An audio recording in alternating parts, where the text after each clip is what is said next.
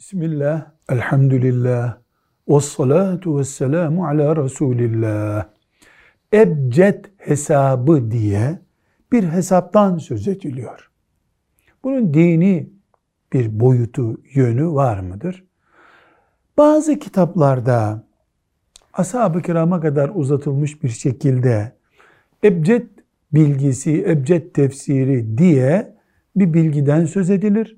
Bunun Peygamber sallallahu aleyhi ve selleme ulaşan net ve açık bir bilgi olarak hiçbir dayanağı yoktur.